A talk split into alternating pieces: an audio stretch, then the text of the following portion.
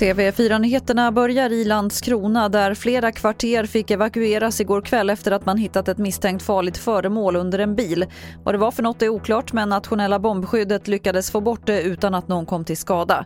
Enligt uppgifter till TV4 ska bilen som föremålet hittades vid ha koppling till en tidigare skjutning i Landskrona. Nu har en kvarts miljard människor världen över smittats av covid-19. Det visar en sammanställning som AFP har gjort. Fem miljoner människor har avlidit av viruset. Europa visar högst siffror. 76 miljoner europeer har smittats sedan december 2019.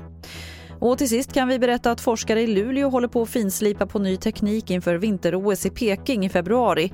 De tar fram nya skidor med bättre glid till de svenska landslagsåkarna med hopp om att det ska kunna bli fler medaljer.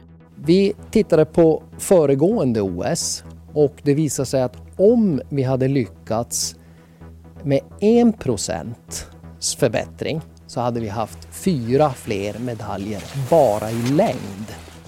Det sa Andreas Almqvist som är professor på Luleå tekniska universitet. Fler nyheter det hittar du på tv4.se. Jag heter Lotta Wall.